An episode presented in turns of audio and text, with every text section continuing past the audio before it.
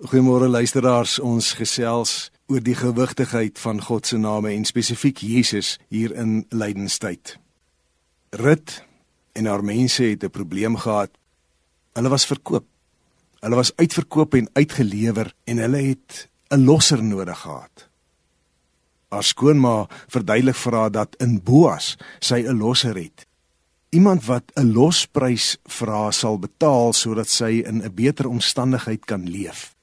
Ons is so bewus daarvan dat ons iets beter nodig het. Iets beter nodig het as 'n lewe van vrees en van skuldgevoel. En dan kom Jesus en hy sê ons moet hom noem. Ons kan hom noem. Ons redder. Ons verlosser.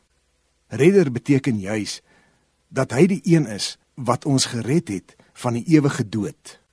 Verlosser, die loskoper, beteken dat hy met 'n groot losprys vir ons losgekoop het uit 'n situasie uit wat onhoudbaar is.